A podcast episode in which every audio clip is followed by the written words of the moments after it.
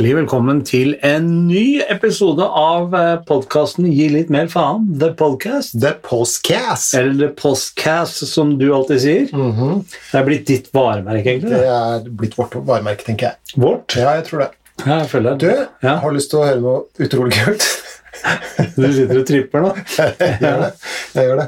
Fordi at vi, eh, eh, vi har eh, kontakt med et firma Mm. med tanke på T-skjorter. Om det bare blir til meg og deg, så driter jeg i det. Det har vært jævlig kult. Men Du skal ha merchandise? Jeg skal ha merchandise. Jeg ønsker meg skikkelig en T-skjorte hvor det står 'Gi litt mer faen'. The Postcast under. The Postcast? Ja, ja. Ja, det er jo et varemerke, da. Det er et varemerke, Ja. så den, den kjører vi. Apropos varemerke, en annen ting. Vi har, vist, nå endrer vi litt på logoen vår. Ja. Det er en fanesak for deg. Det er en gi litt fanesak for meg. Ja. Fordi at um, den, Jeg syns jo den er ganske kul, Mhm. uh, men den er muligens smått uleselig. Det er ikke helt åpenbart. Du kan godt være uenig, men, men jeg tenker at det er ikke helt åpenbart. Hvis folk ser den der for første gang, så skjønner de med en gang hva det her handler om. Nei, nei. Sånn, ja. Så da tror jeg at vi skal kalle det Gi litt mer faen, en podkast om livsmestring. Gi litt mer faen. En podkast om livsmestring. Ja, ja. Og alt Ja, annet som kjenner jeg at du må forklare litt, men det er kanskje det du skal gjøre i dag også. Men, eh, eller hva du tenker inn i begrepet med livsmestring. Mhm. um, så det Nei, men jeg er med. Mhm. Jeg er veldig lett å overtale til sånne ting. Ja, det høres sånn ut. Ja, og jeg føler at du er liksom Du er på en måte ryggraden i denne podkasten. Jeg er bare en heldig passasjer. Så hvis du ønsker liksom å å endre på noe, så er jeg med på det. Du er med på det? Ja. Ok.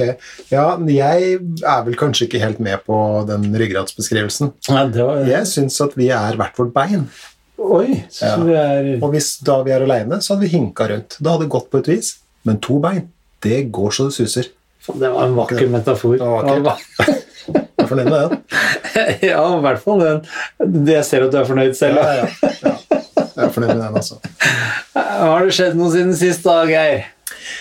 Eh, nei, det har ikke det. Jeg, øh, Sa vi forresten at det er med Geir Vigtil og Tommy Steine? nei, vi sa ikke det. Vi har ikke sagt det på lenge, Herlighet. men det er det. Ja. Ja. Jeg fikk tilbakemelding om at jeg hørtes, som, hørtes ut som Trond-Viggo her forleden. Oi, Ja, og det, Jeg er ikke veldig sikker på om jeg syns det var skitt. flink gutt, da. Ja, det er. Det er han. Men Altså, jeg hadde ikke kunnet noe om sædceller, hadde ikke vært fall. nei, det er sant. Så det er det du skal ta til deg. I kroppen han løp rundt med de hyssing... Ja, Plastelina-klumper og tau. ja, ja. ja ja Nei, han kunne forklare han, det kunne jo for så vidt. Det, den skal han. Ja, Men hvis noen ble skuffa over at det ikke var Trond-Viggo, Mm. at det var bare en, eh, en raring fra Tønsberg, så, så får vi nå si det, da. Tommy Steine er viktig. Ja, Mm, det er lurt. det er lurt. Ja. Så da kan jeg spørre deg, har det skjedd noe med deg siden sist? Nei, rent bortsett fra at jeg har eh, feiret litt fødselsdager for familiemedlemmer og sånt nå, så, så, og det var veldig ålreit Ja, for her i den familien har dere valgt å ha alle, med unntatt deg, da, som drøyer til juli. Mm. Men resten de syns det er greit å ha det samme uke. Ja, omtrent samme uke i hvert fall. Ja. Ja, kommer veldig, veldig tett, altså. Men på den annen side, det er greit med alt som øynene har gjort, og så blir det skrekkelig mye kake i en liten periode. Ja. Og det er jo greit å få gjort unna det også, for så vidt. Hva er favorittkaka di? Det har vi snakka om før. Ja, har vi ikke det? Jo. Ja, og da svarte jeg Um, morkake. ja, det- Jeg syns ikke du var så gøy.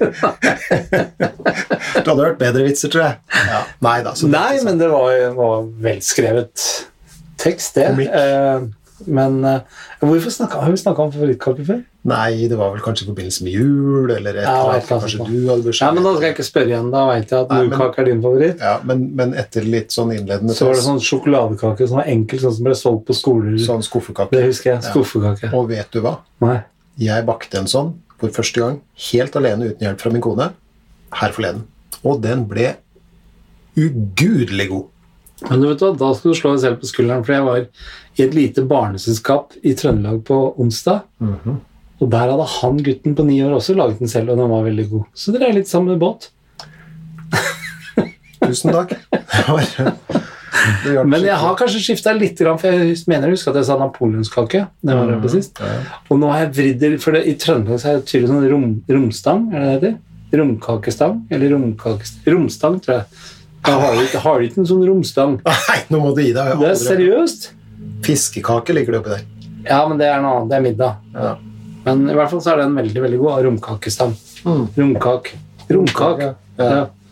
Når naboen begynte å klippe gresset, passa veldig bra.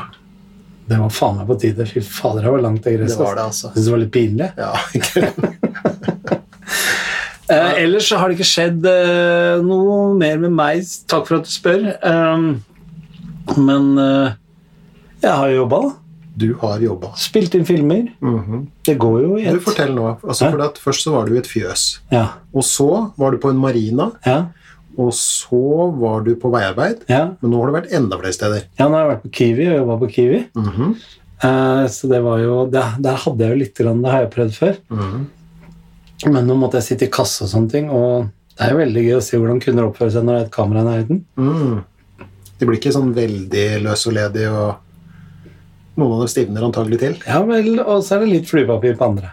Ja, noen som syns det er gøy. Ja, så Jeg begynner i sånn 70-tallsvinking i bakgrunnen. sånn, eller? Nei, det er litt sånn Plutselig skal det ha noen varer akkurat den veien, og, og du hører liksom de diskuterer Ja, men vi har jo ketchup hjemme. Nei! Så det har vi gjort. Også i dag så har vi også vært på brygga her i Tønsberg mm -hmm. og spurt folk om hva som er dems eh, drømmejobb. Ja.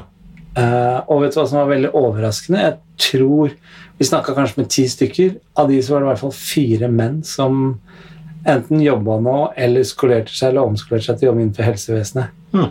Og de var de som smilte. Det var én lærer og tre mannfolk som jobba med eldre og syke og sykehjem og sånn. mm. Så var det uten tvil de som var mest fornøyd med valget sitt. Mm.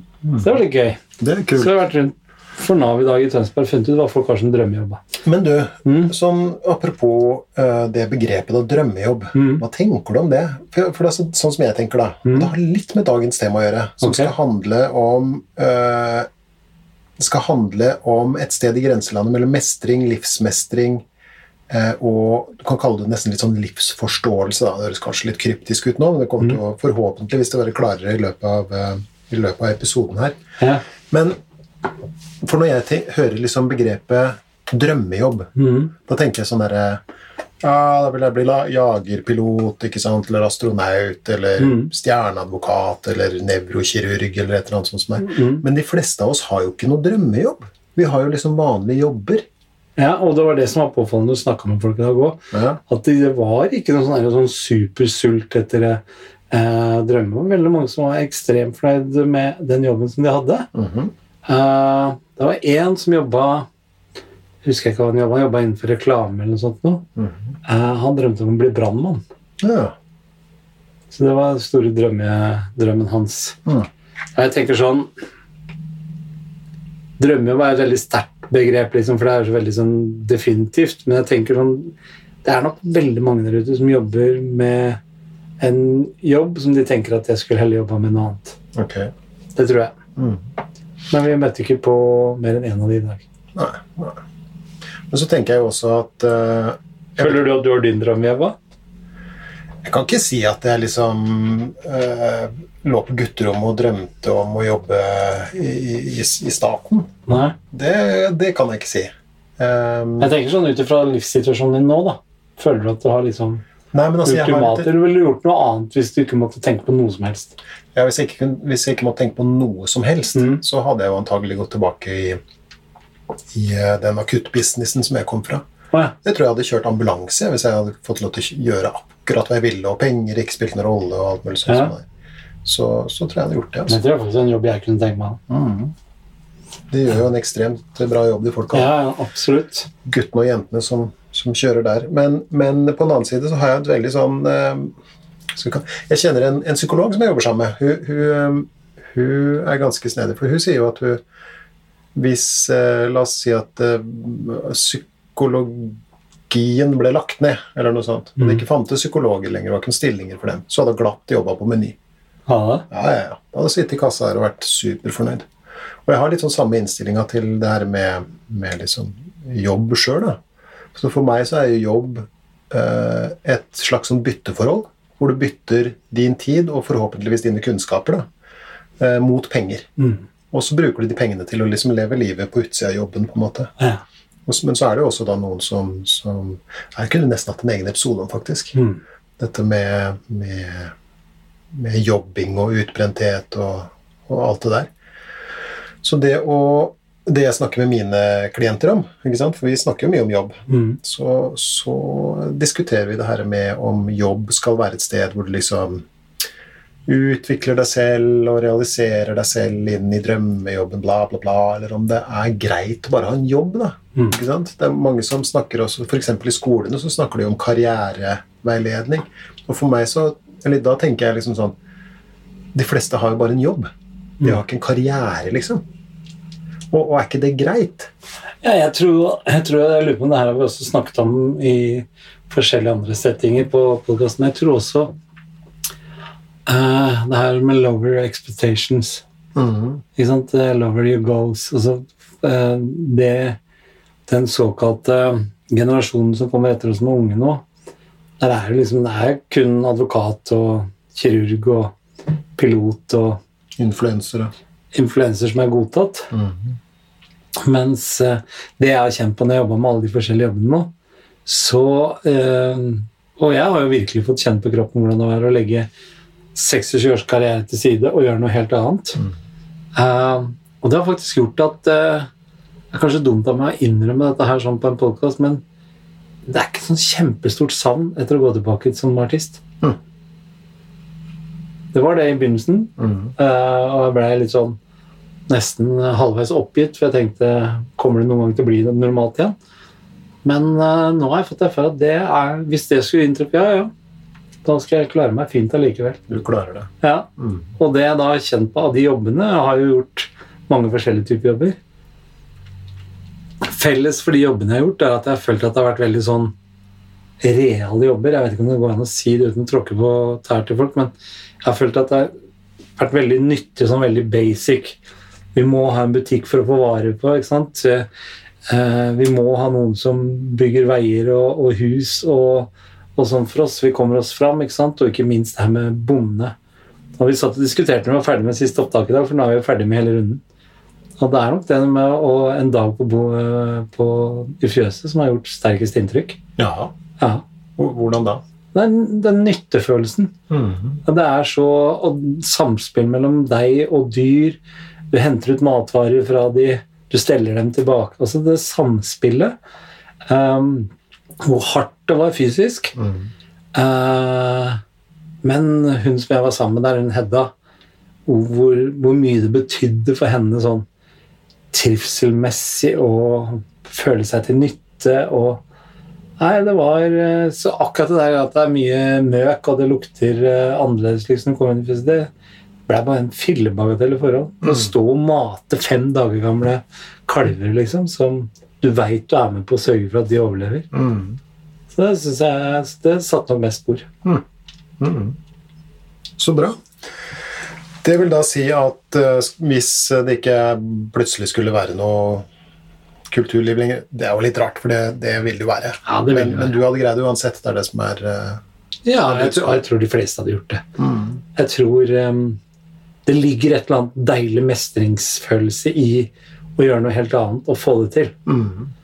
Um, og jeg som da har høyskoleutdannelse fra ungdomsskolen som eneste bakgrunn um, Ungdomshøyskole. Ungdomshøyskolen gikk jeg på og tok den eh, Tok den som privatist, faktisk. Nei, nei jeg har gått på folkehøyskole og teaterskole etterpå. Så, men jeg har ikke noen sånn reell utdannelse utover Jo, eh, pilot, da. Mm. Men eh, nei, det har gjort at eh, jeg stortrives med å gjøre annerledes ting. Mm. Og når de nå begynner å kneppe opp igjen og sier liksom Så har jeg blitt kontakta av forskjellige arrangører og sånne ting. Og jeg kjenner at det er ikke sånn! Det er sånn Ja, ja, det, det er klart jeg kan. Mm. Men det, jeg antar også sånn helt uten videre at det skal bli deilig å komme i gang igjen. Så klart. Med noe hvor du liksom virkelig kan. Ja. Du, vi, skal i gang nå. Mm. Um, Det holder med kvarter intro, da? Jeg syns vel kanskje at det gjør det. Um, på den annen side, du ble såpass uh, våt på øyelokket, som du pleier å si, Ja, jeg ble det nå. at, at vi kunne nok ha pratet om kalver en god stund. Ja, kalver skal du ikke Skal ikke glemme at ku har vært kalv en gang. vet du. Nei, det er noe med det. Det er sånt, Det er med det. Det er et sånt ordtak jeg har laga meg. da.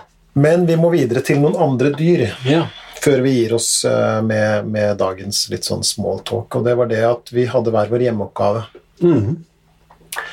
Eh, og Hva vil vi bli gjenfødt for? Du skal svare på hva du ønsker å bli gjenfødt som, ja, og jeg skal svare på hva jeg absolutt ikke vil. Du har svart meitemark. ja, Det vil du absolutt ikke vil. bæsje med munnen. De bæsjer med munnen. Og jeg svarte at jeg kunne tenke meg å bli gjenfødt som havørn. Mhm. Så nå gjenstår det å høre hva du ønsker å bli gjenfødt som, og hva jeg definitivt ikke vil være. Så, så, og vi er i dyreverdenen. er I dyreverdenen. Ja. Ok. Så jeg har brukt denne uka på å fintenke. Jeg håper det er i dyreverdenen, i hvert fall. Ja, det, det er det. det, er Hvis du det. sier flaggstang nå, så blir jeg skuffa over det. Ja, liksom. ikke sant? Men det er få flaggstenger som fødes. Det er det jo. Ja, de mer produseres, vil jeg påstå. Du skapt Ja, Men det er fremdeles ikke en fødsel. Da, tenker men sånn Du vil ikke henge deg opp i formalitetene nå. Nei, si men du... dessuten så er det jo ikke Det, er jo Det må ikke være en levende ting. det er ikke noe sjel. Nei. Nei. Så aller helst så ville jeg jo foretrukket å bli gjenfødt som meg selv eller en, en variant der omkring. En gang til? Ja, jeg syns det. Ja. Til tross for livets opp- og nedturer, så jeg må si at det, det har vært sånn helt greit, ikke sant? Ja. Og, og sånn som det er nå, så syns jeg Da trives jeg veldig godt. Ja. Eh, så, så, men hvis ikke det er noen opsjon, og det må være ja, for det kan det ikke være. For da- da hadde jeg nok sagt det samme. Ja, ikke sant. Ja. Ok, så, så det jeg da har funnet ut, er at jeg ville nok ha blitt eh, gjenfødt som et dovendyr. Ok. Mm. Fordi Av to grunner. Nei, av flere grunner. Um, den ene grunnen er at de ser veldig fornøyde ut. Hvis du har sett bilder av Ja, de ser ja, de smiler og sånn, så, og, og der henger de stort sett dagen lang. Ja. Og som beveger seg veldig sakte og ser ut som de liksom koser seg. De Mm. kan svømme og helt uten å drukne, pussig nok, for de svømmer veldig, veldig sakte. ja. Eh, men, eh, og så spiser de frukt dagen lang, koser seg opp i trærne, og så lever de i et varmt miljø. Det liker jeg jo. Mm. Og så har jeg oppdaga, eller litt sånn eh, undersøkelser, da, så, så fant jeg ut at dovendyr er ett av to dyr i verden som ikke fiser. Seriøst? De har ikke luft i magen. Wow. Og det er fordi at de har en eller annen sånn bakterieflora som gjør at de da kan fordøye eh, Frukter frukter osv. Uten, å- uten at det blir enormt mye luft i magen. For det som skjer, er at tarmgassene tas opp av tarmen og luftes ut gjennom eh, lungene. Altså utåndingsluften. Så kan du fise med munn. Det er det du vil. nei, nei, det er ikke sånn at du fiser med munnen, men, men antagelig så har du dårlig ånde. da. Det har de. Litt fisånde. Det har de. Men på den annen side, de bor stort sett aleine, så det er ikke så mange som bryr seg. Nei, for jeg føler at det er ikke noe sånn Det er ikke noe fordel at du ikke fiser hvis du raper. Og det er samme som kommer ut. Ja, hvis, hvis du hadde rapa fis, det skjønner jeg. Men, men når du bare ånder ut tarmgassen Tenk deg hvis det er noen som slår på podkasten nå for å høre litt sånn mellomintellektuelle Lurer på den podkasten her, Andro. Ja. Nei, den skal jeg aldri høre på mer. Jeg vet i hvert fall jeg vil aldri bli gjenfødt som rotte.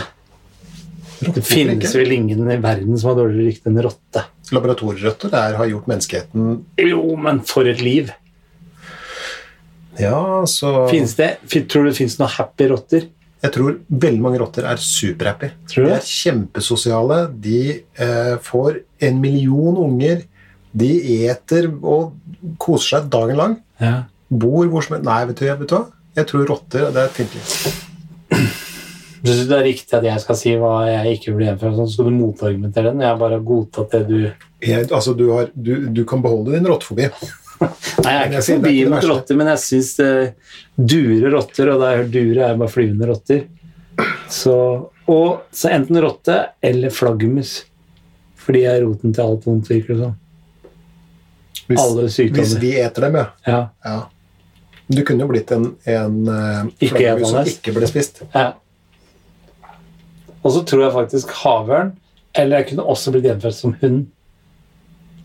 Hunder er bare utrolig lojale, kule, fine dyr som er så happy. Men du vet hvor de vasker seg med tunga. Ja, Det er ikke Da skal du ha katter, og det gjør de fleste dyr. ja. Hvordan Ikke tror du, dovendyr. Å, nei, hva tror du den gjør, da? Den vasker seg i Den har et eget sanitæranlegg. Den vasker seg i en bekk.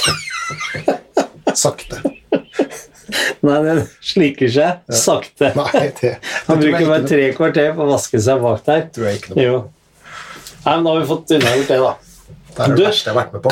komme- 20 minutter, stakkars folk. Ja, men Kan jeg komme med én ting til før vi begynner med temaet? Helst ikke. Jo. Jeg må det. Hvis okay. skal, det her kan heller bli to episoder. Det er greit. Eh, Fordi at av og til så Nå tar Tommy på seg brillene. Det her lover veldig dårlig. Av og til så er jeg inne på Facebook. Og Eller det er jeg jo, for det er jo eneste av sosiale medier pga. jobben vår, og postcasten vår og sånn er jo der. Eh, så er det noen ganger det dukker opp hva skal jeg si, ting som jeg syns er litt eh, ja, litt genialt. Mm -hmm. og jeg sendte den til deg i dag. Mhm. Leste du den? Ja. Du har gjort det, sant? Mhm. Kan jeg lese den opp her nå, da? Ja.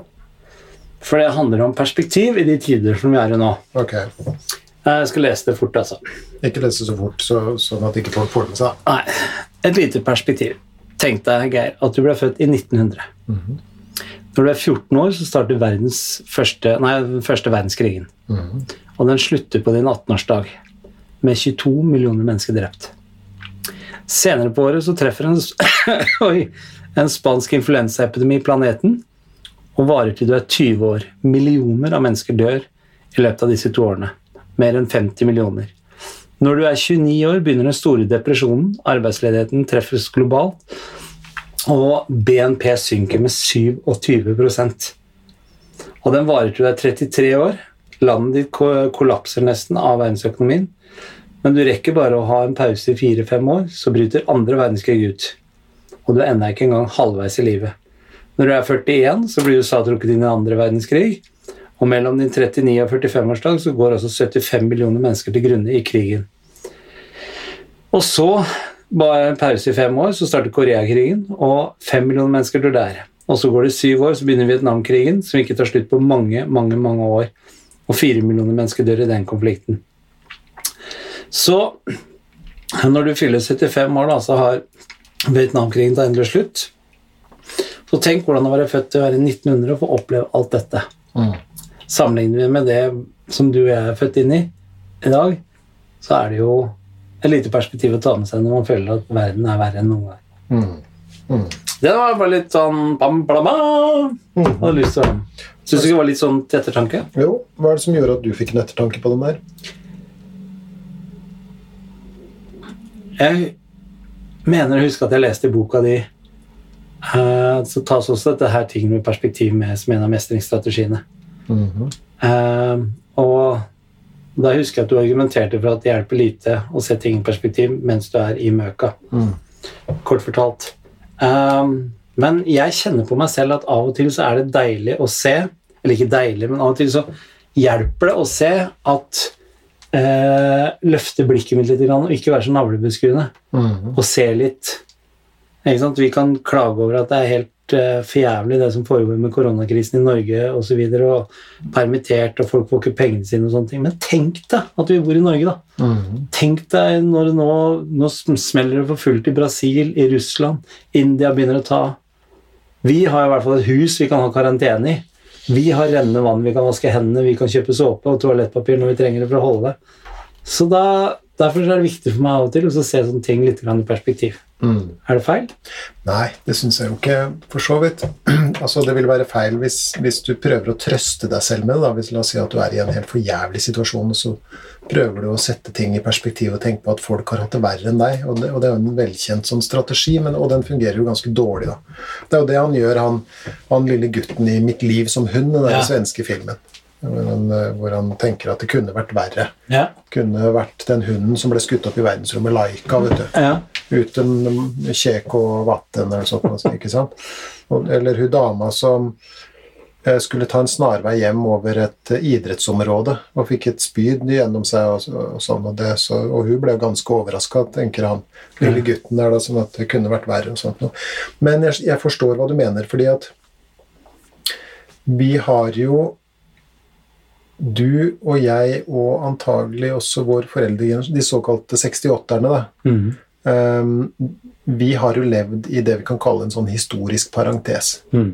La oss si at vi har levd i en del av verden som har vært eh, fredelig. Vi har hatt en voldsom velstandsøking. Vi har hatt en voldsom økning i, med tanke på eh, hva skal vi kalle det, innovasjon. Da. Mm. Teknologisk osv. Utvikling. Utvikling.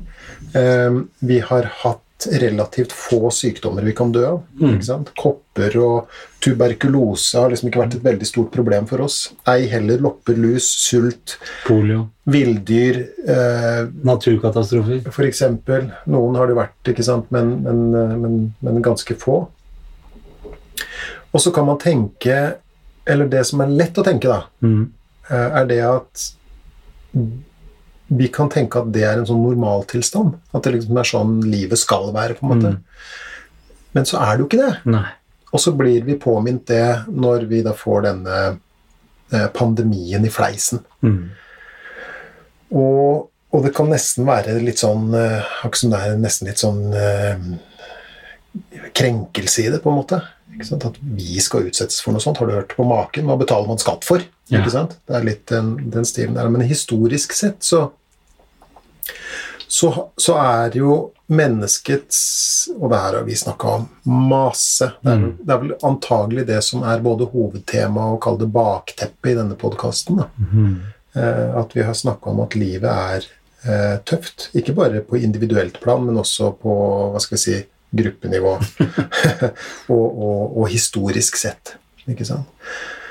Det er og, og, og det spiller litt sånn inn på det temaet som vi skal snakke om i dag, da, nemlig eh, livsmestring, livsforståelse. Altså hvordan, hvordan forstår vi livene våre, og hvordan agerer vi Ja. ut ifra den forståelsen, på en måte. Fordi at du har også garantert hørt den em, definisjonen til Verdens helseorganisasjon. Mm. Definisjonen på helse. Mm. Og den sier at em, helse, altså det å ha en god helse, det er en tilstand av fullstendig fysisk, psykisk og mentalt velvære. Mm. Hva, hva syns du om den eh, definisjonen? Det er helt på trynet. Hvorfor det? Fordi det er eh, utopi. Hvorfor det? For det er ikke det sånn livet er. Det er, eh, det er det fin, ja, Finn i meg det mennesket i verden som har det sånn. Det finnes ikke igjen. Mm. Og derfor syns jeg det er eh, Det hadde jo sikkert vært flott hvis vi alle drev og puffa rundt på noen rosa skyer og ikke opplevde verken smertesorg eller, eller problemer. Men det er ikke realiteten.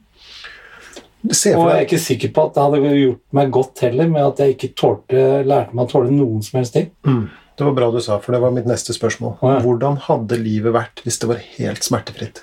Alt kom lett til deg, du oppnådde Du, du hadde aldri en vond følelse, du, det var aldri noen hindringer i veien for deg, du måtte aldri anstrenge deg for å få til noe eller få noe. Jeg hadde i hvert fall ikke levd til jeg var 85. Antagelig hadde du gått på veien. Ja. Da tror jeg gjennomsnittlig levealder har vært 25. Det tror jeg også. Så, For det er, ikke, det er jo ikke det som er um, men når du, sier, du bruker sånne ord som livsmestring og livsforståelse, mhm. og det er ordet jeg har hørt deg brukt mange ganger, hva, legger du liksom i, i det ordet? Og Hva, den betegnelsen livsmestring, hva, hva er, det, er det rett og slett bare snudd på setningen at det mestrer livet? Ja, det er jo det. Det er jo det. Og det er jo et po populært begrep for tida også. Man snakker jo veldig mye om livsmestring, spesielt med tanke på skole og sånn. Og, og, og ja, der har vi, det har vi jo snakka om før. Vi skal ikke gå der nå. Vi skal ikke gå der nå. Nei, Men på den annen side så det er rommet for lite til. Ja, det er det.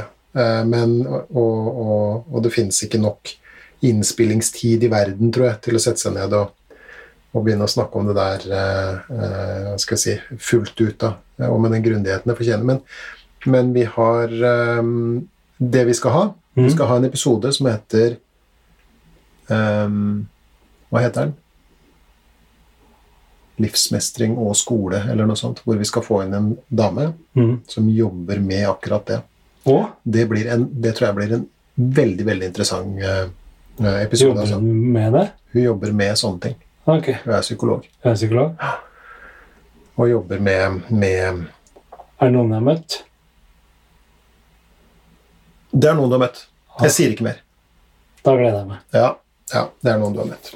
Eh, og hun har endelig sagt ja. Har jeg det? Mm. Så det er en liten teaser. Halleluja!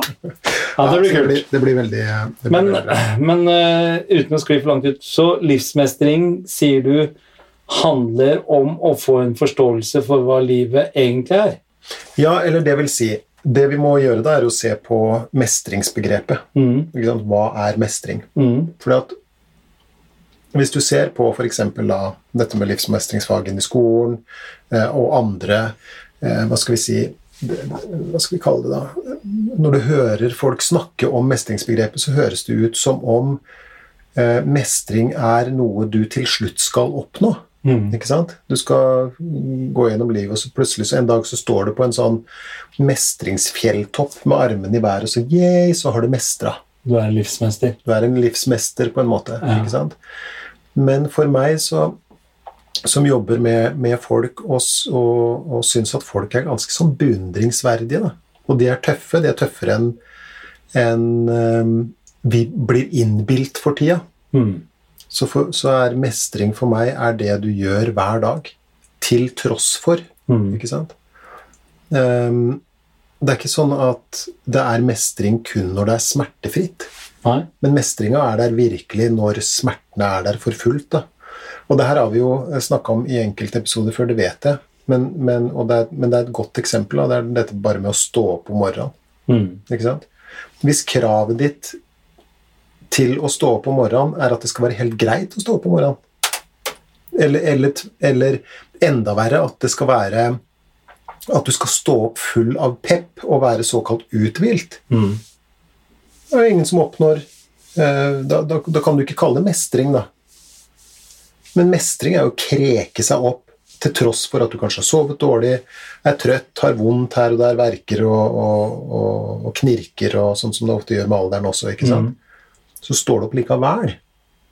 Og ikke bare står du opp, men du kreker deg av gårde til jobb og skole òg. Mm. Ikke sant? Og ikke bare kreker du deg av gårde, men du sitter der. Og i verste fall så gjør, du, så gjør du en jobb, Ja. og så, når du er ferdig der, så går du hjem igjen. Bare for å hvile til å gå på jobb igjen dagen etter. Nei, når du kommer hjem, hva må du gjøre da? Da, da må du gjøre lekser Mm. hvis du er skoleelev eller student. Hvis du er voksen, må du begynne å lage middag. Vaske klær, vaske hus, handle. Fikse det. bare det. opp det kona gjør. Det Fikse den lette, lekke eh, takrenna, ja. ikke sant? skifte dekk på bilen, bla, bla, bla. bla, bla. Mm. Alle disse tingene som, som det liksom ikke er noe gøy å gjøre. Men vi gjør det likevel. Mm. Det er mestring for meg. Ja. Det er det jeg legger i mestringsbegrepet. Fordi at hvis du skal ha en sånn jublende følelse inni deg hver eneste gang, Mm. og, og, og det liksom er hva skal jeg si, definisjonen på mestring, ja, da mestrer du aldri. Nei. Skjønner du? Ja. Jeg har opplevd det Nei, jeg tror faktisk ikke jeg har snakka om i podkasten, faktisk. Men jeg har jo opplevd det å eh, Mine to første barn overlevde jo ikke fødselen. Mhm. Så da hadde vi en voldsom sånn Det var en voldsom smell for to ungdommer på 20 år. Men han overlegen som var på sykehuset den dagen, han, eh, han har tydeligvis vært ute en vinternatt før. Så han nekta oss å dra hjem. Så vi måtte bli på sykehuset der i fem dager. På fødeavdelingen med alle andre som fødte friske, raske barn og hyla og skreik og sånne ting. Eh, og han satt hele den første natta og snakka med oss, og så sa jeg at jeg føler egentlig litt sånn urettferdig, for jeg føler ikke at jeg har gjort noe galt her i livet. Hvorfor skal jeg straffes på den måten? Um, og han eh, var jo uh, heldig overbevist om at det fantes en gud, da. Mm -hmm. uh, men han, han Det går ikke noen sånn der, eh, religionspreken som kom fram. Han sa sånn Nei, men jeg tror hvis man skal klare oss å se noe fornuft, da, i anførselstegn, i alt det vonde og vanskelige og tunge og allting som skjer, så sa han så er det, tror jeg det må være fordi at det lærer oss å sette pris på det motsatte. Aha. Så hans, så hans eh, Det var vel ikke teori, det var mer en tese. Eh, han sa det at vi her, som du snakka om, vi har levd i parentes Vi setter jo ikke pris på fred og, og rolig i gatene, vi. På lik linje som en som kommer fra Syria nå og plutselig føler seg trygg her i Norge. Eh, vi som bor på Østlandet, er ikke, setter ikke like pris på fint og varmt vær som de som bor på Vestlandet, eller jeg som har vært nå i Trøndelag i mange uker, som priser og slipper det de har i hendene når det blir sol. Eh, og og så, så, så hans tese var det at mye av de tingene som vi må igjennom, vi mennesker, er, eh, må vi, er for å lære oss å sette pris på det som er bra. Eh, og, og da syns jeg det er lettere for meg å forstå eh, For hvis, som du sa, hadde alt bare vært en rosa sky, og sånt, og ikke vært noe motstand, bare i fred og fordragelighet, og alle var snille, og sånne ting, så tror jeg ikke jeg hadde satt pris på det. Mm. Vi hadde ikke satt pris på de gode stundene hvis vi ikke hadde opplevd de negative stundene. Vi hadde ikke satt pris på de gode tidene hvis vi ikke hadde opplevd dårlige tider. Uh, Så det du sier, og det denne legen antagelig mente, da, Mm. var at det er kontrastene som, som utgjør livet, på en måte, ja. og at Og vice versa også, for du må oppleve de fine tingene også for å vite at du kan komme deg gjennom de vonde tingene. Mm. Du veit liksom at det er en dør på andre siden av rommet. Mm. Mm. Jeg synes det var en veldig fin at det som oftest blir bra igjen til slutt. Ja. Ja. Og det blir det jo. Mm. Uh, og det gjelder jo det aller, aller meste. Og, og selv det mest brutale i livet, Ja. Uh, så blir det uh, med tiden i det minste litt, i, det minste litt bedre, da. Mm. Og, og det var vel det denne legen med, med klokskap fortalte dere, altså dere som har to unge foreldre, hadde jeg nær sagt, som, som hadde opplevd en tragedie. Da. Mm. Eh, og, og jeg tenker jo også det at eh, det er nok riktig eh, at hvis vi utelukkende hadde hadde hatt alle de gode følelsene uten hindringer, og alt hadde kommet lett til oss osv., så, videre, så hadde vi nok ikke satt pris på livet på den måten vi forhåpentligvis kan oppleve å gjøre. Og jeg tror heller ikke vi hadde lært like mye. Nei, det er heldig overbevist om, og det hører jo folk sier nå i forbindelse med den koronagreiene som, som er liksom den nærmeste krise vi kan felles eh, relatere til nå. Så sier de jo at eh, det positive oppsiden av det er jo at de lærer seg å sette pris på Nå savner man å kunne ta en i hånda og si god dag, liksom. Man savner å kunne ta rundt hverandre, gi hverandre en klem når ting har gått bra eller ting er tungt. Eh, de tingene som man har tatt for gitt tidligere. Mm. Mens nå har vi opplevd at det blir drevet vekk fra oss, fordi det er ikke, eh, det er ikke bra at vi gjør det. Mm. Og sakte, men sikkert så ser vi nå at samfunnet begynner å komme tilbake skritt for skritt. Og jeg tror eh, lærdommen for de aller fleste av oss at vi setter litt mer pris på ting. Mm. Jeg er jo glad i å referere til eh, Litteratur. litteratur og ikke sant? Film og alt Hva sier litteraturen om dette? Jo, nei, altså, jo, nå skal du høre. Uh, vi snakka jo om, om, eh, om Dostojevskij i forrige episode, og, og det er jo um, Det blir bare tyngre og tyngre. Det Dette blir bare tyngre og tyngre, ja. Ja. ja da. Men det var en kar som visste litt om livet, det der, altså. Uh, kunne snakke mye om det, men Det hadde han ikke gjort hvis alt bare hadde vært en drøm hele tida. nei, nei. Det er, det er helt riktig. Har jeg funnet. Men han sa noe i retning av at eh, eh, hvis menneskene altså Hvis alt menneskene hadde å gjøre, var å liksom sitte i, i varme, behagelige skumbad og, og spise kake og, og bare være opptatt av eh, Han prøvde å omskrive det, da. Mm. De hadde sagt noe annet i våre dager med sånn Paradise Beach og alt det der. Eh, men, men hvis man da Alt man hadde å bry seg med her i livet, var å sitte og spise kake og sørge for at arten gikk videre, som han sa. Mm. Du vet, skjønner hva det betyr? Ha sex. Ha sex, ja. Ja. Så innen kort tid så ville menneskene begynt å knuse ting rundt seg bare for at noe interessant skulle skje. Mm. Og, og en av, en av eh, hva skal vi si, yndlings mm, hva skal vi kalle det, eksemplene da, fra film på akkurat det der sånn eh, Har du sett Matrix? Mm. Det er jo om, om han som vekkes av dvalen, på en måte, Mm. og får velge mellom den blå pillen og den røde pillen. Blå, når han tar den blå pillen, så går han tilbake til uvitenheten sin, av blindheten. Og tar han den røde pilla, så vil øynene hans åpnes, og så vil han se virkelig hva som, hva som er under overflaten, på en måte. Men Eh, og, og det er jo et intrikat plott i Matrix, det skal sies. Og, og dypt filosofisk. Mm. Man kan virkelig sitte og se den filmen der med nye øyne hver eneste gang. Men i en av scenene så, så er det en av disse som da er arkitektene bak denne dataverdenen som mennesker lever i, da, som er en illusjon. Mhm. Han, han sier da at uh, vi prøvde å lage en altså Vi lagde en annen versjon av verden først, som vi liksom kjørte inn i menneskenes hjerner. da, uh, for at, Og, og den, den uh, verdenen var perfekt. Mm. Det var bare gode følelser. Alt var bare kjærlighet, og, og det var fint vær hele tida, og du bare spiste kake. ikke sant, og, og, og sånn. Og det de fant, da, eller det som ble konklusjonen, var at menneskene ikke tålte det. Mm. De måtte ha lidelse og, og motstand. Og det er jo jammen meg litt av et perspektiv. Det er absolutt. Fordi at hvis du Altså, eh, det er all grunn til å tro at hvis vi ikke har lidelsen, smerten og motstanden, lærer vi absolutt ingenting om hva det vil si å være folk, og hva som trengs for å bli et helt menneske, på en måte. Mm. Og da er det litt sånn som vi også da har prata om i en del eh, episoder, at, at hvis du f.eks. Hvis du har mennesker i livet ditt som du er glad i, og som du i en slags sånn misforstått kjærlighet forsøker å skjerme fra alt som er vondt, så gjør du det med en såkalt bjørnetjeneste. Mm. Bjørnetjeneste som uh, Det er ukas ord. Det kan jeg godt tenke meg å finne ut hvor dukker det opp fra. Det vil du ha som ukas ord? Ja. Skal jeg forklare det med en gang? Det høres veldig mye lurere ut hvis vi liksom Nei, dette har vi funnet ut. Å ja, så du vil ikke ha forklaring? okay. Men du, en liten iskuld bisetning før du sier det med bjørntjeneste. ja, ja. Eh, en fun fact, Jeg vet jo ikke om det stemmer, men det var i hvert fall på en quiz jeg var med på her en dag. Mhm. Du vet de der eh, kodene som hele tida raser i bakgrunnen, de grønne kodene på Matrix? Mhm. Vet du hva det er oppskriften på? Ikke ødelegg noen illusjoner for meg nå. Hva er det? Sjokoladekake? Nei, sushi. Det er en sushioppskrift. Kødder du? Nei, det var det det sto Det, skal det, kan jeg, det kan jeg gjøre ordentlig research på og sjekke.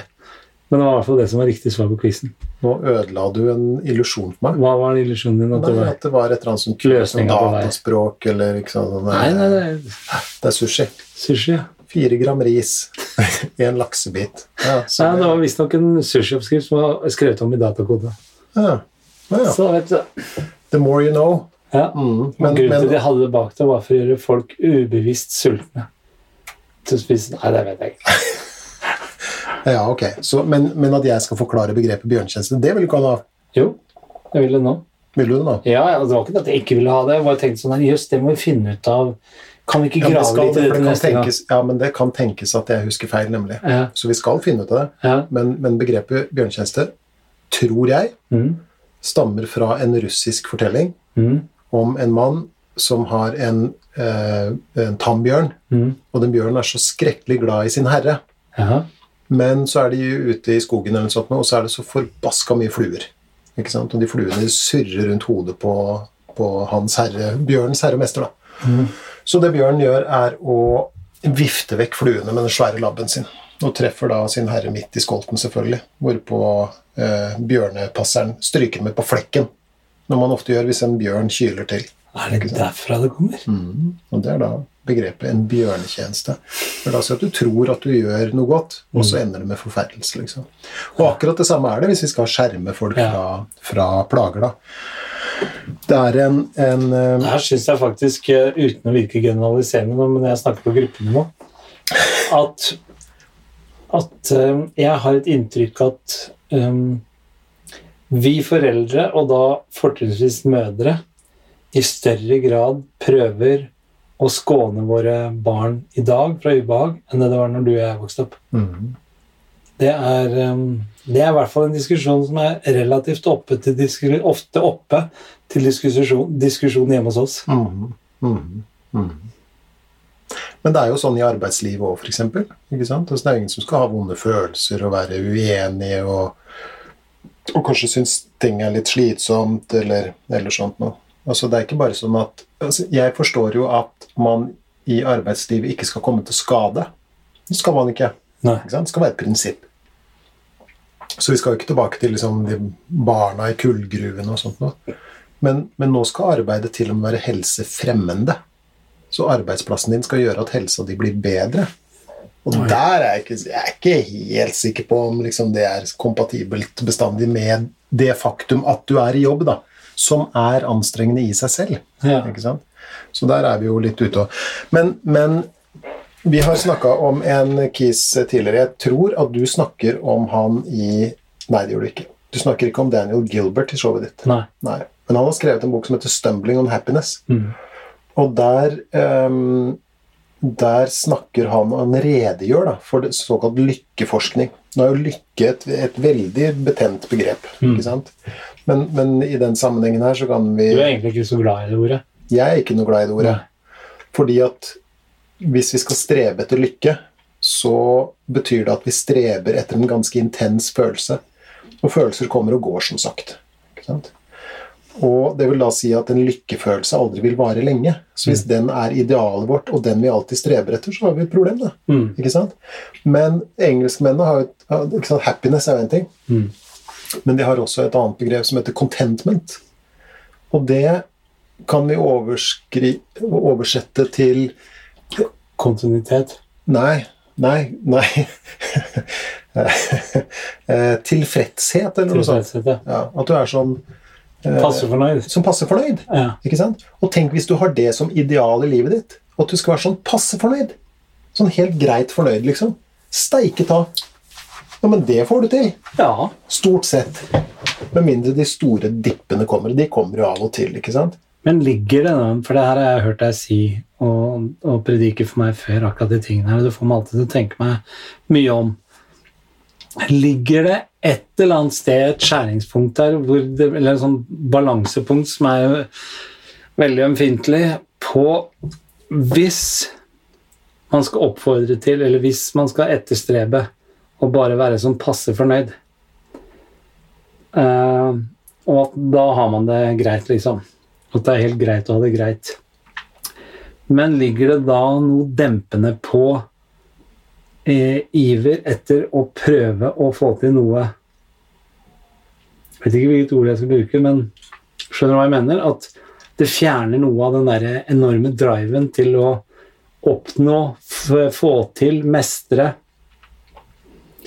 Um, fordi jeg er jo oppvokst i en generasjon hvor de sier liksom Hvor du må ha hårete mål, som, som han uh, Stabæk-guruen sier til enhver tid, Ingebrigt Jensen. Du må ha hårete mål å strekke deg etter, for da yter du mer enn uh, du vil gjøre om du bare er sånn passe fornøyd. Ser du at det kan være en sånn Ja, ja interessekonflikt der? Ja, ja. Ja. Og, og svaret mitt på det er dette. Ja. Du skal ha mål, Mm, for du skal ha noe å sikte etter. mm, Men det betyr ikke at målet skal være perfekt, f.eks. Du, skal, kan, du kan sette opp et midlertidig mål, mm, og så kan du ha som en slags avtale med deg selv at dette er et midlertidig mål. Eh, det skal jeg sikte mot. Um, men det kan godt tenkes at jeg, før jeg kommer til det målet, kommer til å justere målet. mm. Men det å ha et mål, det er, det er riktig. Og viktig. Men du skal ikke sikte for høyt. Sånn Apropos fortellinger, det er Ikaros. Husker du Ikaros som ikke sant, med vingene så smelta voksen, og så falt den ned? og sant? Og, og, og Poenget er at hvis du har for høye mål, så, så kan det hende at du forstrekker deg. Mm. Ikke sant? Og det å aldri nå målene sine Vi mennesker er jo skrøpelige, ikke sant? og de færreste av Altså, de fleste av oss er helt vanlige folk, da. Jeg skal, jeg låner pennen, jeg må skrive ned men Nei, jeg har blyant her. Ja. Ja. Uh, de, hva er det du skal skrive nå? Nei, jeg, bare, jeg skal komme på noe jeg skal si etter at du uten å ødelegge for deg. Ah, ja, sånn, ja. Ja. ja. ok. Men jeg tror det der går rett inn i Ja, men folk får vel høre at jeg jobber. De Ja, blir ikke er sjokkert over det. Nei, det blir kanskje ikke det. Eller kanskje det blir det. Men i hvert fall. Greia, greia er at det, det er litt sånn Det er litt sånn Mellom evne og higen var det en eller annen Mm. eh, norsk forfatter så Jeg husker ikke om det var Ibsen eller Bjørnstjerne, men det var Ibsen, tror jeg. Ja, så tror jeg. Eh, altså dette med du, ikke, du, du må ikke forstrekke deg, du må ikke sette altfor høye mål, for du er bare en vanlig person. Så det vil da si at du skal ha mål, men du skal sikte lavt. For at fordelen med å sikte lavt er at du kommer til å treffe målene dine i det minste innimellom. Og det gir jo en god følelse. Men det er ikke den følelsen du skal strebe etter. Men det er også vanskelig å vite når er målet for høyt, og når er det ikke for høyt. Men jeg, jeg, har, jeg har kanskje uh, en sånn uh, mellomløsning på det. Okay. Ok? Eh, for um, hvis du sikter deg høye mål, og jeg har hatt det selv i livet, hatt mange høye mål, og flere av de har jeg oppnådd, og så jeg vet jo hva det betyr for meg, men veldig mange av de har jeg ikke oppnådd. Men hvis du er mye mer villig til å justere målet underveis, så bør du ikke være redd for at du har sikta for høyt eller for lavt, men at du må være villig til Nei, vet du det her koster for mye for meg å jage etter det målet der sånn. Mhm. Jeg må jo nedjustere det litt. Okay. Så hvis du har eh, en slags omstillingsevne, da, eller en sånn eh, evalueringsgreie med deg en gang i år, eller delmål underveis Ok, hvis jeg når det målet, da kan jeg sikte til det målet. Og kanskje så ender jeg opp som jagerpilot, men det kan også tenkes at jeg kommer til å fly postbrev på kysten. Mm.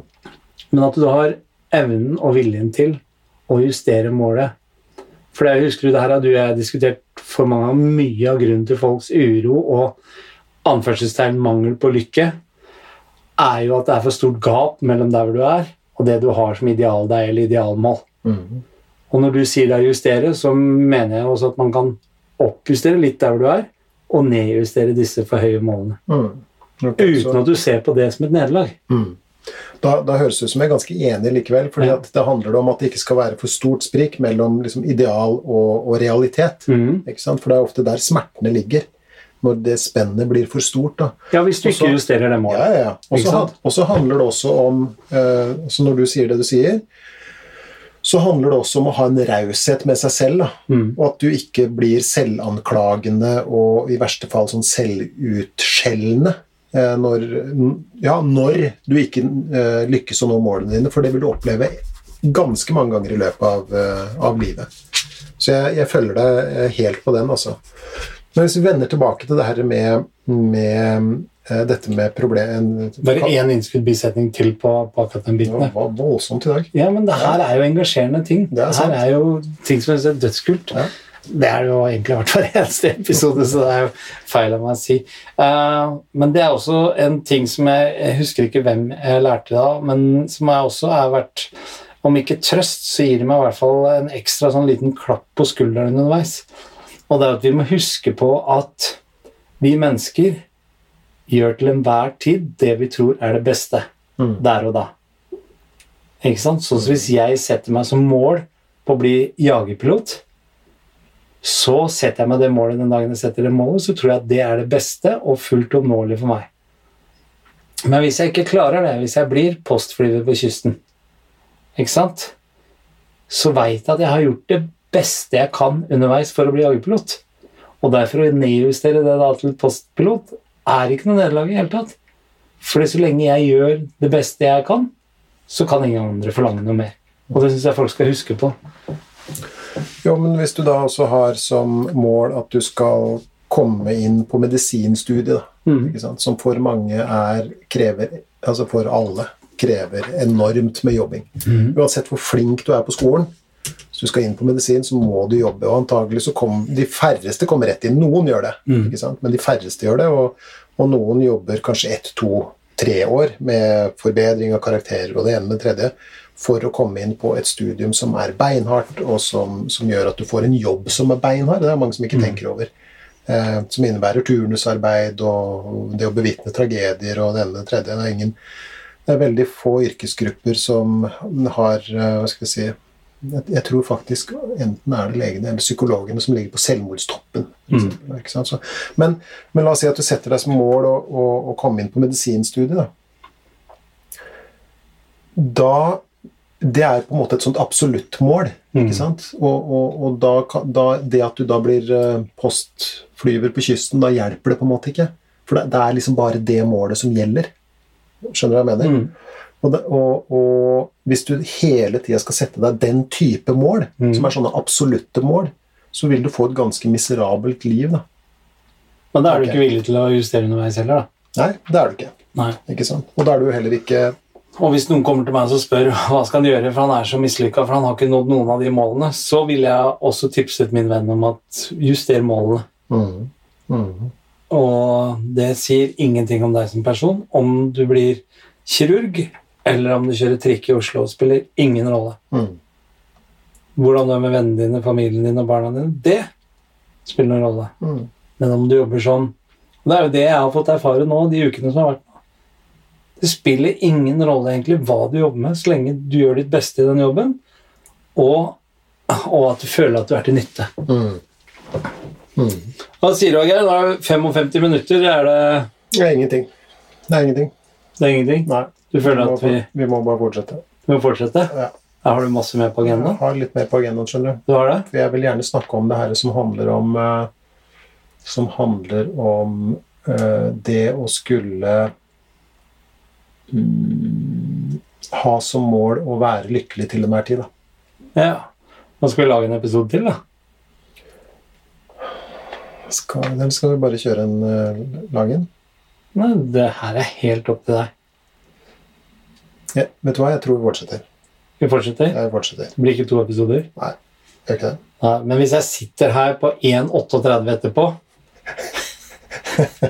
i det rommet her uten at vi får lov å lufte ut i mellomtida Du har fremdeles en halv, halv En brus En halv-halv brus har jeg. Ja, det har du. Skal skjenke meg et glass eh, selv nå. Sånn. Ja. Da, og, så- og da fortsetter vi, fordi at øh, eh, Livsmestring, Yeah. det er som sagt en pågående prosess. Mm. Det er ikke noe du plutselig en dag oppnår. Nei. Ikke sant? Det er noe du du gjør til tross for alle livets plager. Mm. Og hvis du hadde vært fri for plager, Mm. så hadde du hatt et problem. Mm. Og da er vi inne på han, eh, han eh, Daniel Gilbert Mm. og den boka som heter 'Stumbling on Happiness'. For, for det var der vi begynte. Mm. ikke sant? Mm. Var dette med fornøydhet Mm. versus lykke og sånn. Mm. Og han har jo forska på, på, på contentment-begrepet, da. Som, Mm. som er et mer dekkende begrep på, på engelsk enn det, det fornøydhetsbegrepet er på, på norsk, uh, syns jeg. Men det forskninga hans viser, er at én de fleste av oss er, er den, altså kommer nesten sånn ferdig utstyrt med et slags sånn fornøydhetsnivå. Mhm. Ikke sant? Så uansett hva som skjer oss, og det høres litt brutalt ut på, på en måte, da, eh, men uansett hva som skjer oss, så vil vi etter en tids tilpasning og, og det er ikke, den tida er ikke spesifisert. For, for noen så går det relativt fort, for andre så tar det noen år. ikke sant? Men la oss si et dødsfall i familien, da, ikke sant? som for de aller fleste er, eh, er, eh, er kjempefælt og kjempevondt. ikke sant? Men før eller seinere så vil jo den smerten eh, Hva skal vi si altså De skarpe kantene i den smerten blir litt sånn avslipt, og så blir det til, sånn noenlunde til å leve med, i det minste. ikke sant? Sånn at forskninga hans viser, og, og, og forskning som han har gått igjennom ikke sant? Det er ikke bare han som har gjort det her, men det viser jo bl.a. også at de fleste av oss overvurderer hvor hardt en gitt hendelse kommer til å ramme oss. Mm. Og vi overvurderer også hvor glad vi kommer til å bli av en gitt sånn såkalt positiv hendelse. La oss si at du hadde vunnet 300 millioner i eurolotto. Mm. Ikke sant? Så kan man jo tenke at fy feite, det har vært kult. ikke sant? Og Herregud, hvor mye hadde det vært? da? Det har vært 3 milliarder. 3 milliarder norske kroner, liksom. Ja, jeg tror det skulle vært greit. det hadde vært greit. Men poenget er da at innen kort tid så hadde du vendt tilbake til det fornøydhetsnivået du eh, hadde fra før.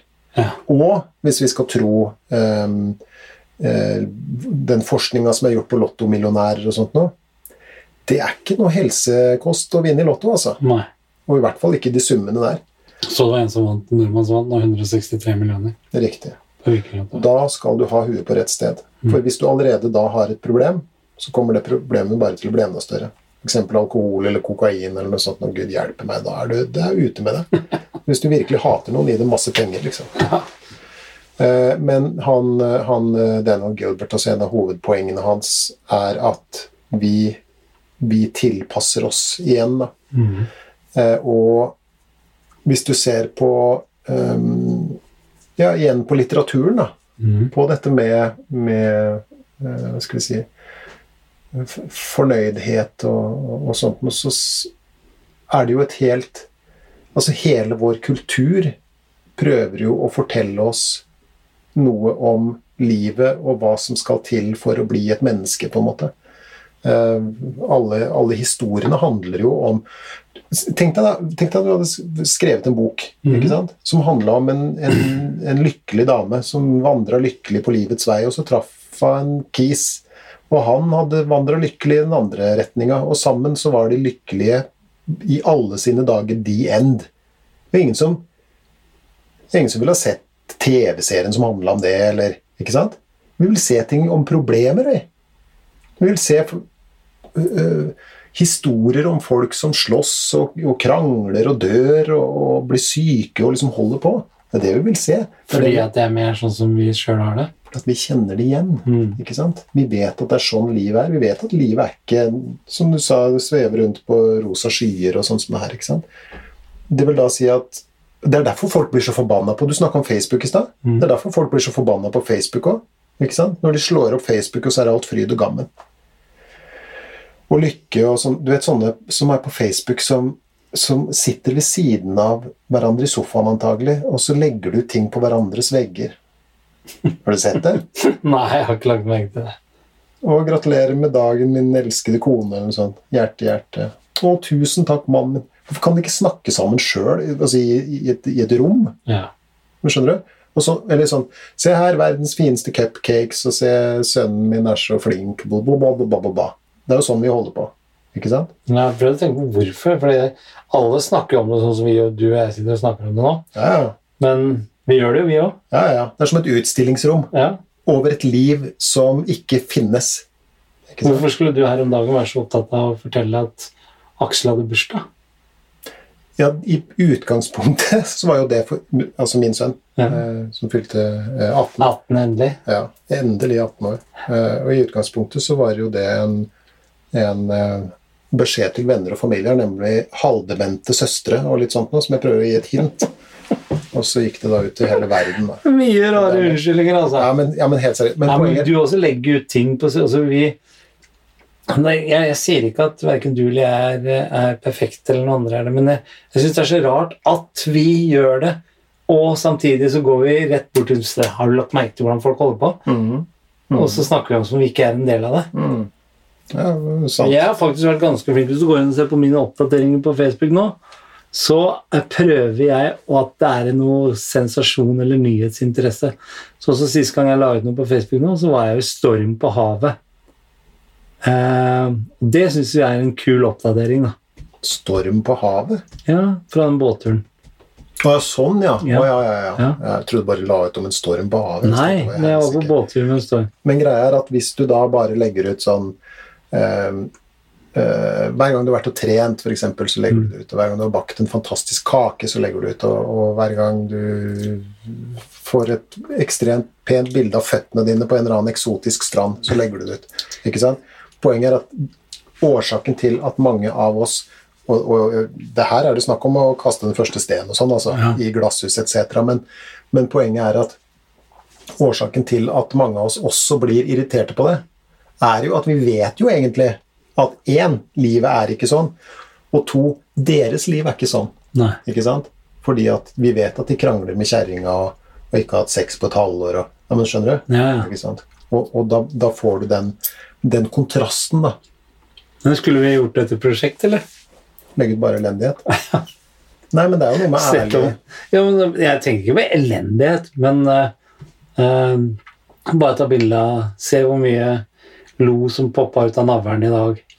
jo men, Eh, jo, men husker du ikke hun Sånn der? ser jeg ut når jeg våkner om morgenen. Ja, ja, ja. Men husker du hun, hun dama som gjorde det eksperimentet der? Nei? Det er ikke så mange år siden, skjønner du, for da, da var det veldig populært med, med blogg. Ja. Og så kommer disse rosa bloggerne, ikke sant? Ja. Alt er jo bare så kult og fresht, og det er samme kameravinkel hele tida, så den har de øvd på, ikke sant? Mm.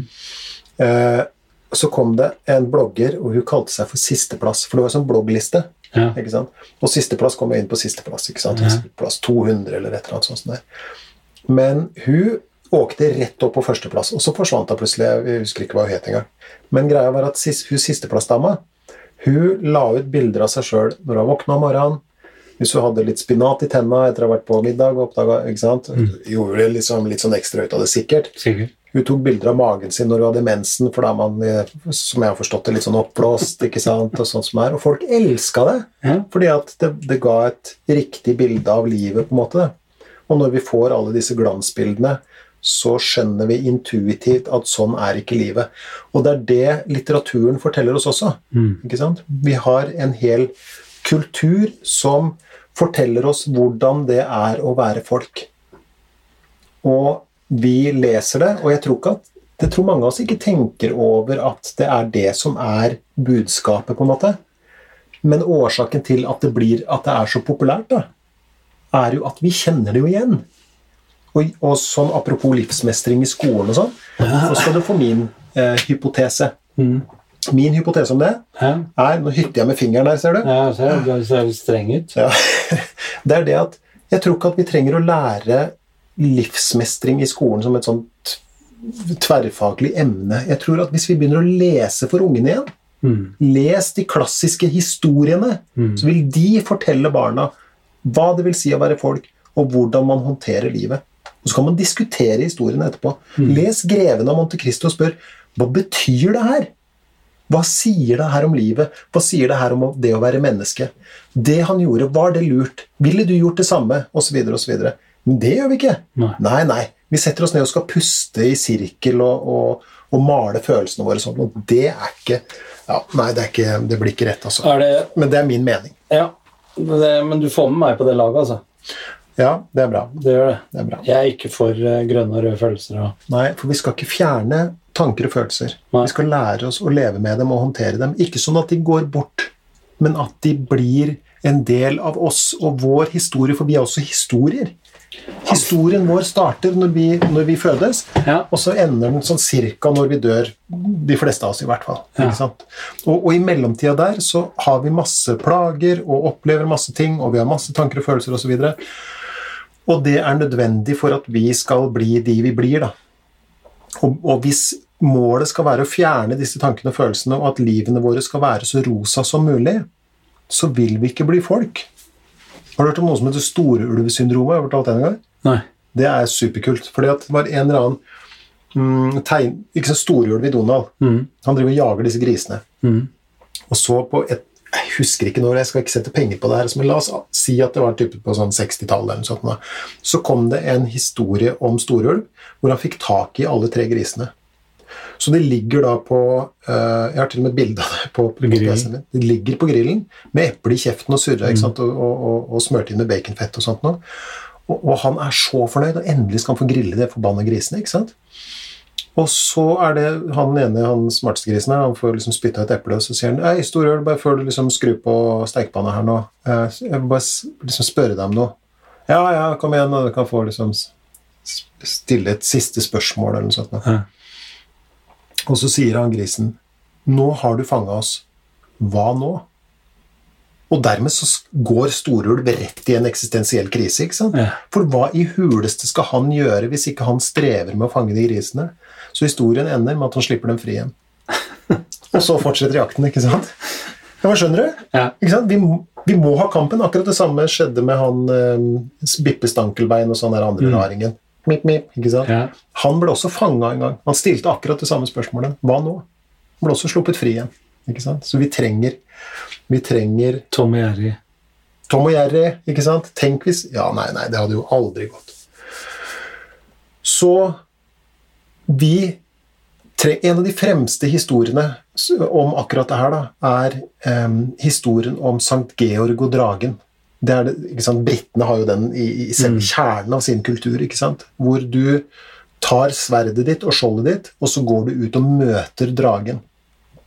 Og det blir en forbaska kamp. Og det kan hende at du ikke overlever engang. Ikke sant? Det er Brødrene Løvehjerte og dragen igjen. Mm. Hvis du blir sittende inne i hula di og skjelve, så, så har du et elendig liv fylt av redsel. Ikke sant? Men hvis du tar sverdet ditt og skjoldet ditt og går ut og møter dragen, så gjør du det frivillig. Du sitter ikke og skjelver i redsel for det som skal komme, men du møter livet frivillig da, og kampene som kommer. Og det viser seg å være et, en ekstremt viktig komponent for oss mennesker. Fordi at hvis jeg hadde satt deg i den stolen du sitter i nå, og så hadde jeg kobla på deg en sånn strømgreie på låret, ikke sant? og så hadde jeg sagt eh, Nå skal du få strømstøt, og du vet ikke når de kommer. Og så skal du vurdere på en skala fra 0 til 100 hvor sterke støtene er. Når jeg ikke forteller deg når de kommer, skaper usikkerhet og uforutsigbarhet hos deg, så rangerer du de som mer smertefulle. Hvis jeg sier at du vet, Ser du den klokka på veggen der? Hver gang, den, eh, hver gang det går ti minutter, så kommer du til å få det støtet bare sånn at du er klar over det. Ikke sant? Så tåler du det bedre. Du rangerer det ikke som så, så smertefullt. Hvis jeg sier du skal få lov til å gi deg selv støtene, så rangerer du de enda lavere på smerteskala. Ja. Så forutsigbarhet og, og til og med frivilligheten, selv om støtene er like smertefulle objektivt sett, så, så, så oppfattes de som, som mer håndterlige fordi at du har valgt å få dem sjøl, eller du velger selv tidspunktet. Skjønner du hva jeg mener? ja, men jeg, jeg syns også det krasjer litt, da, det du sier. På hvilken måte? Nei, fordi at øh, hvis ja, fordi at du, Hvis jeg trekker en riktig konklusjon ut av det, så sier jeg at forutsigbarheten gjør at det smerter mindre. Mens livet er jo ikke forutsigbart. Nei. Og beste måten å overleve livet på kan jo ikke basere seg på at du vet hva som skjer. Og det er et ekstremt godt spørsmål, og her er svaret. Ja. Svaret er at nei, det er helt riktig. Livet er uforutsigbart. Men hvis du tar inn over deg og hva skal vi si, nærmest aksepterer at livet kommer med lidelse, at livet kommer til å komme med Sånn, smerte, og at jeg kommer til å få nøyaktig de samme trøkkene som alle andre. Det vil si, jeg kommer til å bli syk. Jeg kommer til å miste noen jeg elsker. Jeg kan miste jobben, og jeg kan Ikke sant? Jeg er et like Altså, det er, livet er like uforutsigbart for meg, Som for andre. og jeg kommer til å oppleve masse smerte, og jeg skal ikke gjemme meg for det. Jeg skal ikke ha som mål å være smertefri gjennom livet. Jeg skal møte det som, som Sankt Georg og dragen. Ja. Da vil det skje noe. Ikke sant? Det betyr ikke at du, at du, at du ikke utsettes for smerte, men, men du, du, du påtar deg den frivillig, på en måte. Og så skjønner du hva jeg mener. Jeg skjønner. Og det er et ekstremt viktig poeng. Stålsette seg istedenfor å flykte. Ja, ikke sant? Og hva, hva er det vi gjør når vi behandler angst, f.eks.? La oss si at du har Du kan jo bare se hva du skrev til meg her om dagen. det. Hva var det? Når jeg spurte om covid-19 og feberen min. Ja, ja, ja. ja, ja. Så det var ikke mye trøst der. Nei da, nei da det, det, det skal jeg ha. Ja. Ja, det er ikke så mye trøst. Men du ble litt overraska over hva jeg gjorde da òg. Ja, det ble jeg. For du bestemte deg for at du ikke hadde, var syk. Mm. Ja. Og da var du ikke syk lenger. Nei. Så det er noe med, med persepsjonen, som vi kaller det. da, ikke sant? Hva du oppfatter disse tingene som du kjente, hva det var, hvordan du tolker det, osv. Jeg tror det var at jeg, eh, jeg bestemte meg ikke for at jeg ikke skulle sykle lenger. Jeg bestemte meg for at jeg ikke skulle frykte det lenger. Ja, ok. Så du skrev sånn Ja, ja, så har du det, da. Mhm, Så har du covid-19, da, Tommy. Mm -hmm. uh, til dere som hører på, så var det bare sånn at jeg hadde to dager med, med feber. Uh, selv om jeg ikke hadde vondt noen steder. Men vi fant ut at det er fordi at jeg har hatt for lite hvile og for mye jobb i en måned nå. Eh, men da sendte jeg jo melding til deg. Så du, jeg lurer på om jeg har litt sånn snev av Ikke angst, men jeg er litt stressa på at uh, Kanskje det er jo typisk symptom for å ha covid-19. Hva skal jeg gjøre for noe? Uh, og da skrev du bare tilbake Ja, noe skal vi daue av. det var det første. Ja. Og den andre var Ja, så har du covid-19, da. Hva så? Mhm, Med mindre du blir mer alvorlig syk, og sånne ting, så får du bare ri han av. Eh, og da bestemte jeg meg for at ja, det er jo helt riktig. det. Hjelper jo ikke noe at jeg sitter her i en sofa for meg sjøl i Trondheim og frykter det. Nei. Og har angst for det. Så dette er en ny terapiform. Den kalles eh, ROT. ROT. Realitetsorienterende terapi. Ja. Ja, Fungerer som bare juling. Er det noe som heter det? Nei, det er ikke det. Men, men her skal vi ha et avsluttende poeng. Det kunne gjerne vært det. Ja, jeg syns du skal jo, men- ja. Ja, men det er litt sånn Sankt Georg og Sankt Georg og drageterapi. Men Hvis du innfører det i din eh, praksis, vil jeg gjerne at du skal ha med utviklet av Tommy Steine. Ja. med Eller i hvert fall med innspill. Ja, ikke sant? Ja, vi kan ta patent på den. Ja. Eh, Jeg har også en kollega som driver det i utstrakt grad, og det fungerer som bare juling. Ja. Hvis du, hvis nå, I forrige Men jeg sa jo det til deg, det her med, vi snakket jo om det i forrige podkast. ærlighet, Ja. ikke sant? Og det å være ærlig Unnskyld, uh, Turi, forrige episode av Ja, podkasten vår. ja. Ja. Mm. Ehm, eh, da snakker vi om ærlighet. Ja. Det å være en ærlig terapeut Mm. er vel så viktig kanskje, Nei, ikke, ja, det er like viktig som å være en ærlig eh, pasient. Mm. Eh, og, og realitetsorientering er ofte en del av behandlinga. Mm. Men nå skal du høre. Sånn Sluttpoenget. Hør nå. Du tenkte gi deg etter en og en halv time, altså? Nei, nei, nei. Nå er vi på Nå er vi siget. Hør nå. Hør nå. Men Det her er, det her er, det her er så gøy uansett. Eh, hva, hva gjør du når du behandler folk for eh, engstelse? Angst, eh, fobier og sånt noe. Det du ofte gjør øh, Du skal ikke plage folk med detaljene her, men, Ja. men det, som, det som heter eksponeringsterapi, f.eks. eksempel Hva, eh, hva gjør du? Jo, du får folk til å, å gå inn i det frivillig. Mm. Ikke sant? De facer Dårlig spør... øh, øh, Fronter. Fronter Konfronterer Mm. det de er redd for, eh, frivillig. Og det du etter hvert da oppnår, altså det klienten etter hvert oppnår, er ikke å være mindre redd, men det er det at du oppdager at du bukker ikke under for redselen din. Du tåler å være redd, Ja. og du tåler det i en så stor grad at du fungerer i situasjonen i det minste sånn noenlunde. Og det er Sankt Georg og dragen på en prikk. Men jeg, faktisk, jeg tror faktisk For det, du har sagt det der til meg før. Um, og jeg er enig, men jeg, men jeg tror faktisk jeg vil legge til at jeg tror ikke du er like redd. Jeg tror du blir litt mindre redd. Kanskje på sikt, men ikke, absolutt ikke i begynnelsen. Nei, jeg nei, langt Nei, er du gal? Det er en prosess du skal gjennom. Men jeg tror For hvis du både er redd for en ting,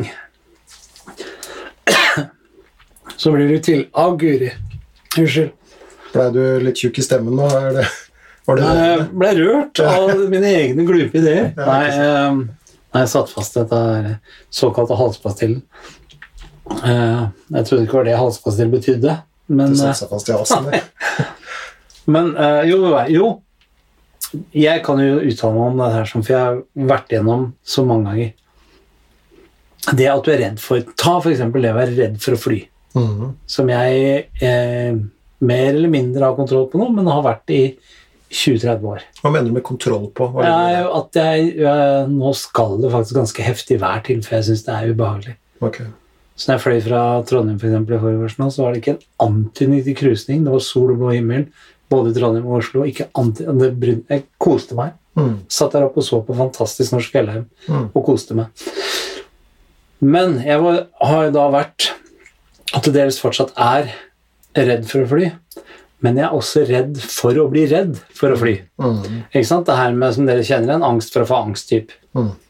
Når jeg går i strupen på ting som jeg er redd for, så fjerner jeg den frykten for å bli redd for det. Forstår du hva jeg mener?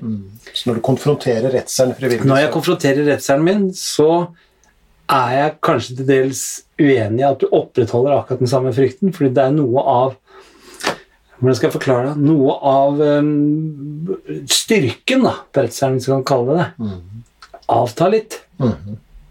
Fordi at du har nemlig kommet forbi én greie med å velge å gå inn i det frivillige og ta tyren ved horna. Mhm.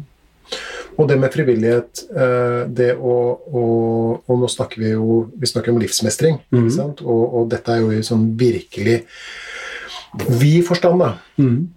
Men det er også studier som, som, som viser at, at um, Eller som, for å være litt ekstra diplomatisk, som tyder på at uh, uh, det er sånn at de som de blant oss som aksepterer at livet kommer med vonde og vanskelige følelser og tanker, og også kommer med nedturer, de er mindre utsatt for å få angst og depresjon. Ja. Fordi at de Det er ikke noe hokus pokus. Nei, det er jo ikke det egentlig. Eh, Fordi at du hvis, du hvis du tar inn over deg at det her er eh, at, at livet ikke er for amatører, da, Ja. så er du faktisk litt sånn ekstra beskytta. Jeg skrev Jeg skal eh, legge ut en link til den ene undersøkelsen eh, på Det må du tilfelle noen er, er særlig eh, interesserte. Det var avslutningsvis Jeg må få lov til å si det her. Avslutningsvis har du sagt siden det passerte en time, du. Ja, ok, greit. Men, men avslutnings, avslutningsvis Ja. Ehm, det er en, eh, en kar som eh, har skrevet bøker og, og sånt noe som heter uh, Camus. Som Blant annet skrevet en bok som heter Pesten, som jo da er er bestselger i våre Mm. dager. Men han skal visstnok ha sagt at vi får anta at Sisyfos var lykkelig. Og hvem var Sisyfos? Jo, det var han fra gresk mytologi som hadde kødda med noen guder og noen greier, og som ble dømt til å trille en stein opp et fjell. Noe som man kan anta er relativt anstrengende. Og når, da kvelden kom, og han ble trøtt, så trilla den steinen ned i dalbunnen igjen. Og så var det på'n igjen. Men poenget er at for Sisyfos så var det her meningsfullt. Ikke sant? For det var hans strev. Mm. Og, og, og det er litt sånn apropos eh, det vi har snakka om i dag, da. For at mestring er ikke å bli kvitt ting. Mestring er å gjøre ting til tross for smerte og ubehag. Det er mestring for meg. Da lar vi det bli konklusjonen i dag. Mestring Du kan si det en gang til. Mestring er å gjøre ting til tross for plager og ubehag. Da mestrer du. Det er mestring. Og det er pågående. Det er pågående. Tar aldri slutt. Eller det vil si, det tar slutt den dagen du tar slutt. Ja. Mm, kanskje. Vi får se. Hvis ikke det er sånn Brødrene Løvehjerte-greie, da. Det er nye drager. Ikke sant? Nye- ja. Nye drager. Nye drager. Nei, men da har vi kommet til mål i dag òg, da. Det har vi, Ja. og jeg tviler på at du kan greie å, å Summere opp i dag. Ja, Ja, den er tung. tør du det? Ja, jeg, jeg prøver, ja, så klart. Jeg er jo, jeg er ikke noe redd for det. Til tross for ubehaget? Ja, nei, det syns ikke det er særlig ubehag. Det verste som kan skje, er at jeg gjør det feil.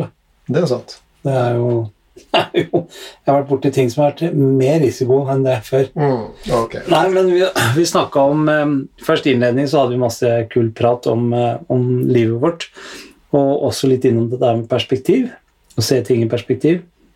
Eh, så lenge du ikke bruker det som en trøst, var det du sa. Eh, for da har det lett for at det ikke blir en trøst. Men det glei litt inn i dagens tema, som har handla om livsmestring.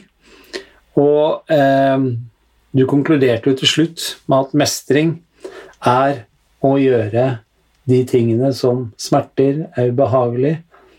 Eh, nei, på tross av at ting er ubehagelige ubehagelig og smertefullt og sånne ting. Det er for deg mestring. Og at vi må passe på at vi ikke eh, tror at veien til lykke i anførselstegn handler om å være symptomfri, smertefri, og bare alt er en fryd og gammen. For all litteratur og all forskning viser at da hadde vi gått til grunne. Så nettopp det at vi opplever eh, tragedier, vi opplever smerte, vi opplever sorg, er en del av det å være menneske. Og for å mestre det å være et menneske, da, så må du gjøre det til tross for at du opplever de tingene. Så nevnte vi også at um, at, um, at uh, litteraturen sier veldig mye om at det er forskjellige typer uh, uh, livsmestring, og vi snakka om at, at vi tok inn, kalte det kontraster når jeg snakka om det jeg hadde opplevd. Mhm. At kontraster er med å gjøre at vi setter pris på ting. Sånn at uh, uh, summa summarum så mente jo du og jeg sammen at jeg tror det beste for oss menneskene er at vi nettopp har det sånn som vi har det, uten å sette oss for høye mål. Urealistiske mål. Men at vi kanskje kan sette oss delmål og være villige til å justere de underveis. Det mente vi var uh, viktig. Ikke i den forstand at du skal gi faen og ha noe mål i hele tatt, men at man skal være villig til å justere de, være, og eh, realitetsorientert på de målene. Mhm.